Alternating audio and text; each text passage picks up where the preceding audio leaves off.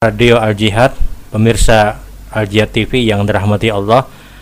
Kembali pada kesempatan hari ini insya Allah kita akan menjawab pertanyaan yang sudah dihadirkan. Assalamualaikum warahmatullahi wabarakatuh. Waalaikumsalam warahmatullahi wabarakatuh. Seorang yang tua sudah berusia 80 tahun tidak bisa sholat, tidak bisa sholat, alasannya tidak bisa berdiri kuat dan tidak sadar, agak lupa ayat-ayat yang dibaca. Apakah anak-anaknya berdosa sedangkan anaknya melakukan sholat? Orang yang sudah uzur di usia sekian puluh tahun, 80 tahun atau sekian, selama dia punya kesadaran, dia punya akal, dia punya pikir dan dia masih sadar, dia tetap diwajibkan untuk sholat. Masalah dia tidak mampu berdiri, dia bisa duduk. Ketika dia duduk tidak mampu, dia berbaring. Ketika dia tidak bisa berwudu, dia diwudukan. Ketika diwudukan juga tidak bisa, dia bertayamum. Tayamum tidak bisa, dia ditayamumkan. Ada syariat yang mengatur.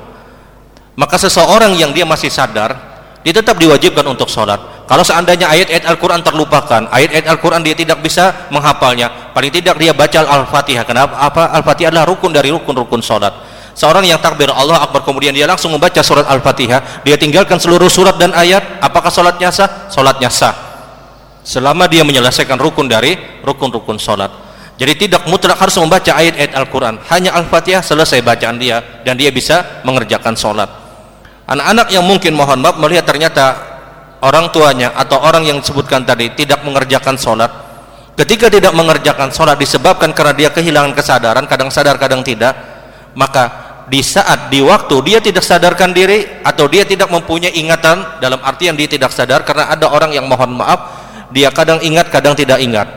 Di masa yang tidak ingat tersebut tidak diwajibkan dan tidak dibebankan. Tapi di masa ingat itulah yang dibebankan Apakah anak tersebut berdosa? Dia tidak berdosa. Wala taziratu waziratu wizra ukhra kata Allah. Dosa tidak bisa dialih kepada orang lain.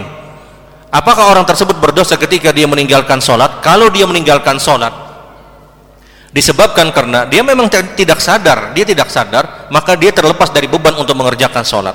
Tapi ketika dia sadar, dia tahu dan dia mengerti, kemudian dia tinggalkan dengan alasan mohon maaf, tidak mampu berdiri, tidak mampu ini dan itu yang lainnya, maka di titik itu orang ini berdosa. Wallahu alam.